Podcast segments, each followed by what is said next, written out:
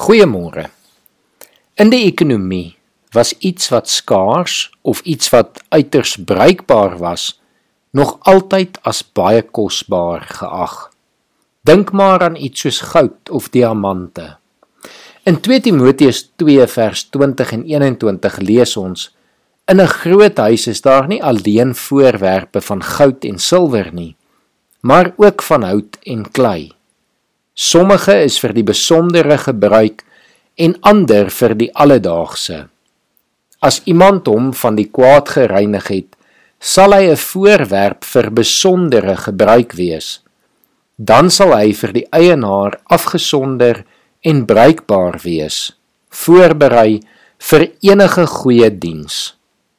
Paulus moedig ons hier aan om onsself skaars en bruikbaar vir God in hierdie wêreld te maak.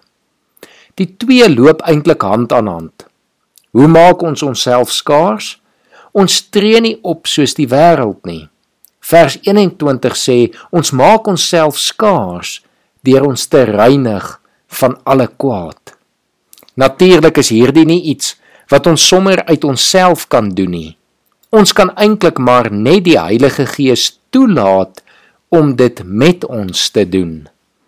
1 Petrus 1 vers 7 sê: Julle geloof is baie kosbaarder as goud, goud wat vergaan.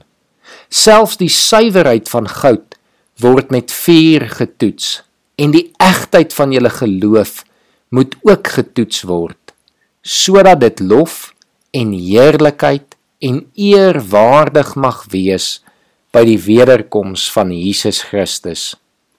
2 Timoteus 2 vers 15 sê: Lê jou daarop toe om jou tot beskikking van God te stel as 'n arbeider wat die goedkeuring van God wegdra.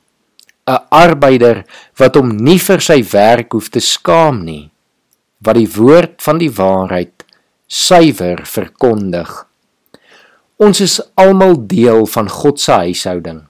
En dit is duidelik in God se woord dat hy graag ons wil gebruik. Maar dan moet ons onsself bruikbaar maak.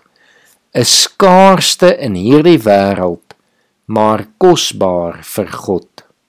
Ek wil jou nooi om vanoggend vir jouself af te vra: Hoe bruikbaar is jy vir God?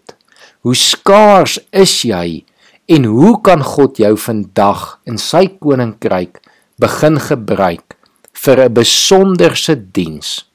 Waar moet jy dalk vandag jouself oorgee aan die Heilige Gees sodat jy soos goud gesuiwer kan word en sodat die egtheid van jou geloof mag uitkom sodat God uiteindelik die lof en die heerlikheid ook daarvoor kan ontvang.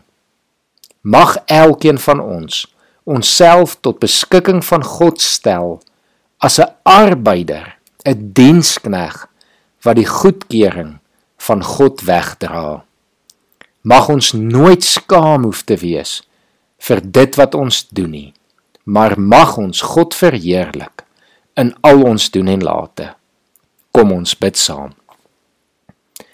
Here, dankie dat ons vanoggend net weer herinner kan word dat ons almal nodig het om in u huishouding bruikbaar te wees.